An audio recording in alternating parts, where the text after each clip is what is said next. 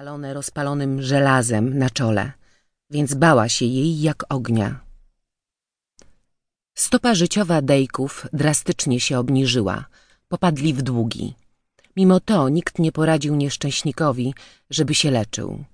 Nie był niebezpieczny ani nawet agresywny, nie groził, że zrobi krzywdę sobie albo komuś innemu, nie podawał się za Napoleona. Ot, jeszcze jeden przegrany człowiek, nieudacznik. W końcu gmina zlitowała się nad nim i dała mu tę posadę w Nordrisen. Wszyscy znali Dejków i wiedzieli, że to porządni ludzie. Żal było patrzeć, jak się staczają. Oczywiście posada ciecia w żaden sposób nie odpowiadała kwalifikacjom, jakie miał Chris, ale w jego sytuacji grzechem byłoby narzekać. Poza tym, o dziwo, odnalazł się w tym, uspokoił się nieco, zaczął lepiej wyglądać. Kładziono to na karp świeżego powietrza oraz prostego faktu, że Chris poczuł się znów użyteczny. Miał pracę, a co więcej, efektowny, zadbany dom, położony na terenie jednego z najładniejszych parków w Holandii. Można powiedzieć, że przypadek Chrisa Dejka był jeszcze jednym potwierdzeniem zbawiennego wpływu zieleni na ludzki umysł. Do czasu. Widzieliście Chrisa? Nie, a co? Szukam go, a on jakby się pod ziemię zapadł. Lydia coraz częściej zmuszona była przeprowadzać takie rozmowy. Mężczyźni opróżniający metalowe kubły na śmieci wymienili spojrzenia. Doskonale orientowali się w miejscowych plotkach, więc wiedzieli, co jest grane, ale wiadomo, przed żoną musieli udawać głupich.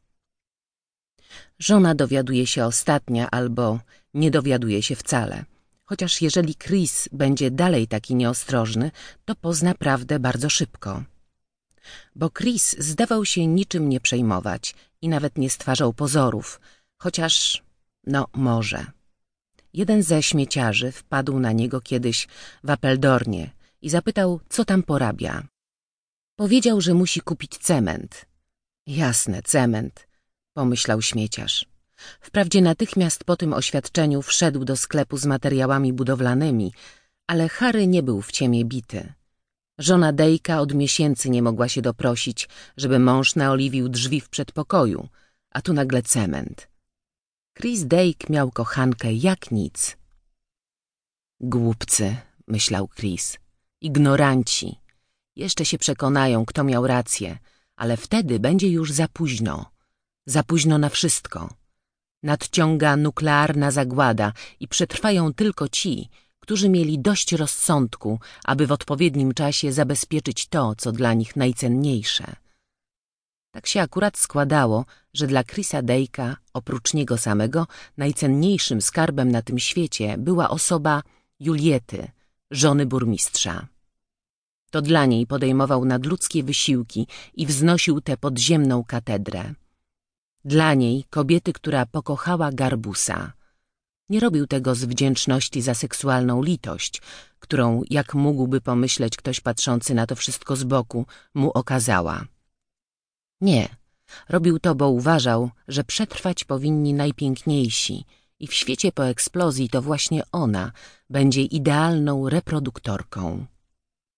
To, że Julieta z nim sypiała, nie było w jego oczach niczym nadzwyczajnym. Potrafił zaspokoić kobietę jak nikt – Uwodził językiem, tak samo zresztą jak jego brat Johannes. Dobierał tak słowa, aby działały jak pigułka gwałtu. Dwaj bracia, Garbus i stary pierdoła z antykwariatu, wyrywali panienki, o których mogli sobie pomarzyć miejscowi notable. Uważaj, powiedział jednak Johannes do Krisa, kiedy zorientował się, z kim brat ma romans tym razem. Burmistrz to kawał mściwego skurwysyna. Część pierwsza. Wieczni gastarbajterzy. Rozdział pierwszy. Nordrisen leżało w samym sercu zielonych terenów otaczających holenderskie miasto Apeldoorn. Dokładnie pośrodku drogi łączącej dwie osady, Del i E. Przypominało brzydką narośl na pięknym ciele – kleszcza, który rósł niezauważony w gęstej sierści drzew i krzewów, niewidoczny dla niewtajemniczonych, lecz boleśnie obecny dla okolicznych mieszkańców.